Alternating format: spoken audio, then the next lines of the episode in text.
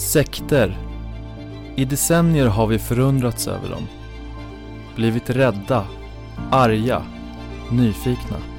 Januari 2004. Sverige skakas av dramat kring den lilla församlingen i Knutby utanför Uppsala. Pastorn Helge Fossmo fick sin barnflicka att mörda hans hustru och skottskada ytterligare en församlingsmedlem.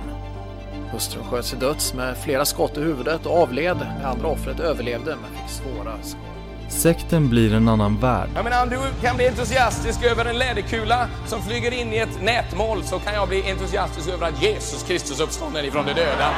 Halleluja! Vi har läst om massmord, övergrepp, Kristi brud. Ska Gud behöva sätta dig i rullstol för att du ska fatta vad livet är värt, tror jag. Jag menar, Gud sätter ingen i rullstol, men han kan tillåta straff. Men också om villkorslös kärlek och meningen med livet. The deprogrammers were making comparisons with Hitler and Moon. And I said, I don't care if Moon is like Hitler. I've chosen to follow him and I'll follow him to the end. Hur skapas en sekt? Vem går med? Och varför stannar man kvar?